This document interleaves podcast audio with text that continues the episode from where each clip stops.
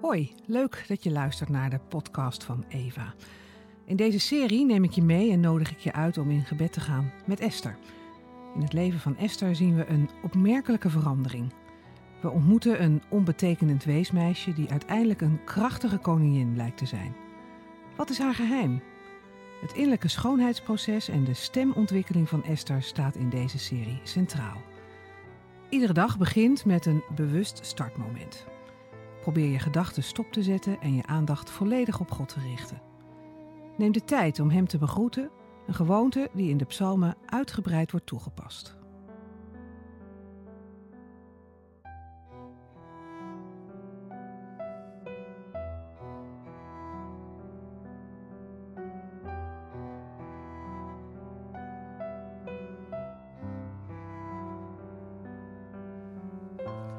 Dag 5. Gehuld in een koninklijk gewaad. Vraag aan God of Hij bij je wil komen en of Hij je wil zegenen met nieuwe inzichten door het verhaal van Esther.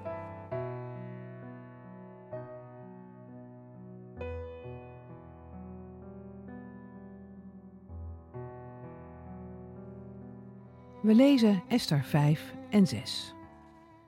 Toen de derde dag aangebroken was, hulde Esther zich in een koninklijk gewaad en ging naar de binnenhof van het koninklijk paleis. Daar bleef ze staan, tegenover de troonzaal. In de zaal zat de koning op zijn koninklijke troon tegenover de ingang. Zodra hij koningin Esther in de hof zag staan, voelde hij zoveel genegenheid voor haar dat hij haar de gouden scepter toestak die hij in zijn hand hield. Esther ging naar voren en raakte het uiteinde van de scepter aan. Toen vroeg de koning haar: Wat is er, koningin Esther? Wat is uw wens? Al was het de helft van mijn rijk, het zal u gegeven worden. En Esther antwoordde: Als het de koning goeddunkt, laat hij dan vandaag nog samen met Haman bij mij komen en deelnemen aan de feestelijke maaltijd die ik voor hem heb bereid. Daarop gaf de koning bevel om Haman zo snel mogelijk te halen. We zullen doen, zei hij, wat Esther verzoekt. Zo kwamen de koning en Haman om deel te nemen aan de maaltijd die Esther had bereid. Toen de wijn geschonken werd, zei de koning tegen Esther: Wat wilt u vragen? Het zal u gegeven worden. Wat is uw wens? Al was het de helft van mijn rijk, uw wens zal vervuld worden. Wat ik wil vragen, wat ik wens, antwoordde Esther. Als de koning mij goedgezind is en als de koning genegen is mij te geven wat ik wil vragen en mijn wens te vervullen, laat de koning dan nogmaals met Haman bij mij komen en deelnemen aan een feestmaal dat ik voor hem zal bereiden. Morgen zal ik op de vraag van de koning antwoord geven. Haman verliet het paleis die dag vrolijk en goed gehumeurd.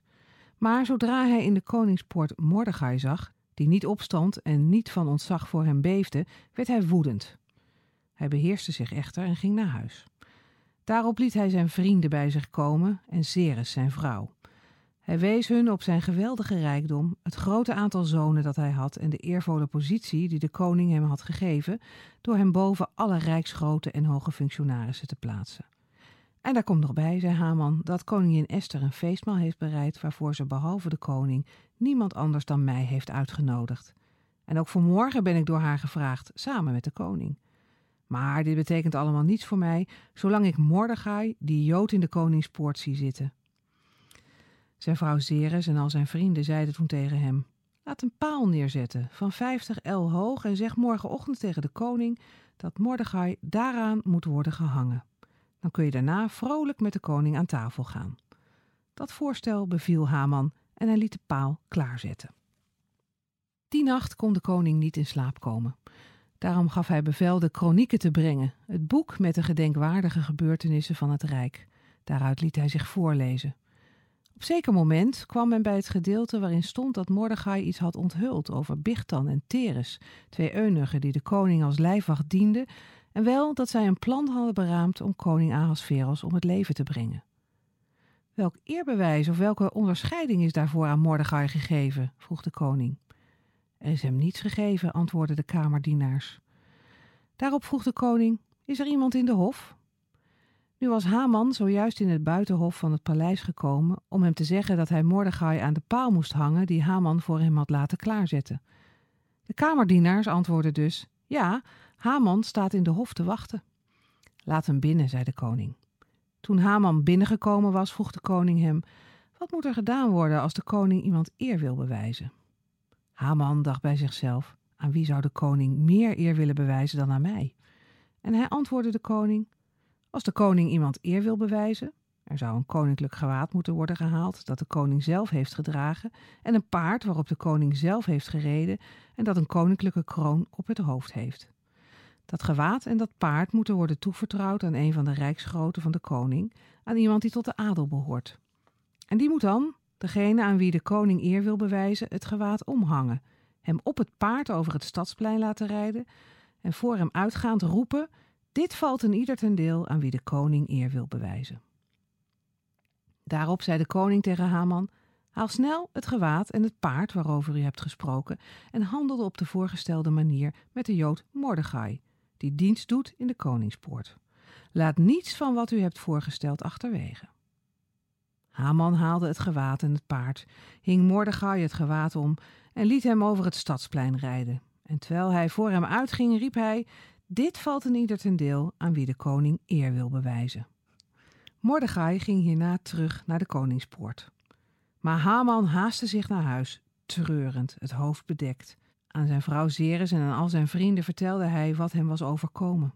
Zijn raadgevers en zijn vrouw zeiden daarop tegen hem: Als die Mordechai, van wie je nu voor het eerst hebt verloren, tot het Joodse volk behoort, kun je niet tegen hem op. Je zult volledig van hem verliezen. Ze waren nog niet uitgesproken, of daar waren de eunuchen van de koning al, die Haman zo snel mogelijk naar het feestmaal brachten dat Esther had bereid. Esther hulde zich in een koninklijk gewaad en ging naar het binnenhof van het koninklijk paleis. Daar bleef ze staan, tegenover de troonzaal. Na drie dagen bidden en vasten is een verandering merkbaar. Esther gaat staan. Waar ze vroeger gewend was om te zwijgen en te gehoorzamen, maakt ze nu een riskant besluit. In afzondering heeft een mysterie plaatsgevonden. Haar angstige houding wordt er nu een van moed. Heb jij de afgelopen dagen nieuwe inzichten opgedaan? Wat was de rol van God daarin? Kan het betekenen dat jij ook risico's gaat nemen? Hoewel we niets over God lezen, is deze omslag opmerkelijk. Heb jij de afgelopen dagen iets meegemaakt wat aan God gewijd kan worden? Wees vijf minuten stil en breng je gedachten bij God. Schrijf ze op of teken ze uit.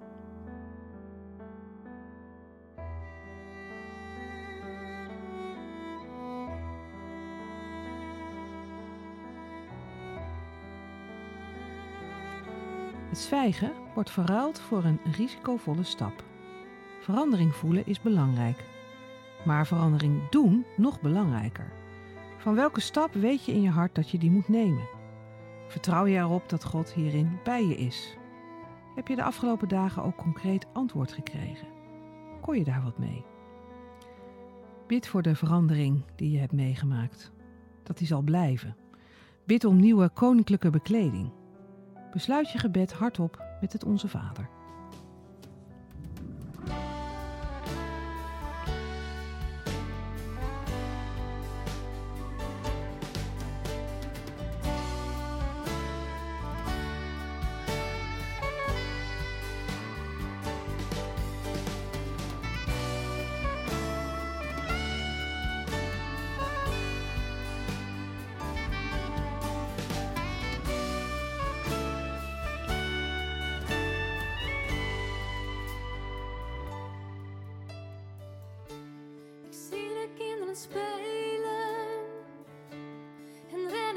het plein.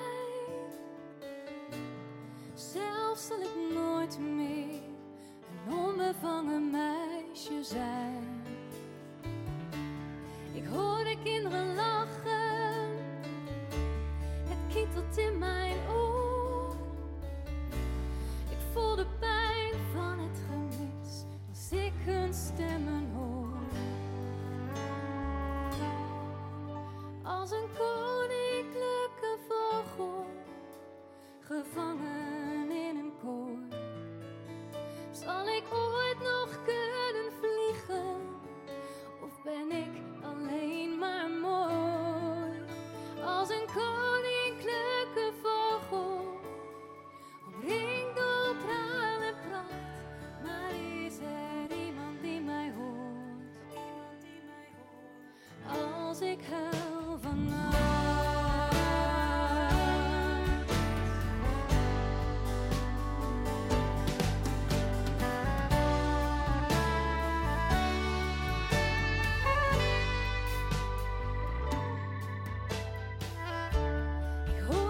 nachtgefluister.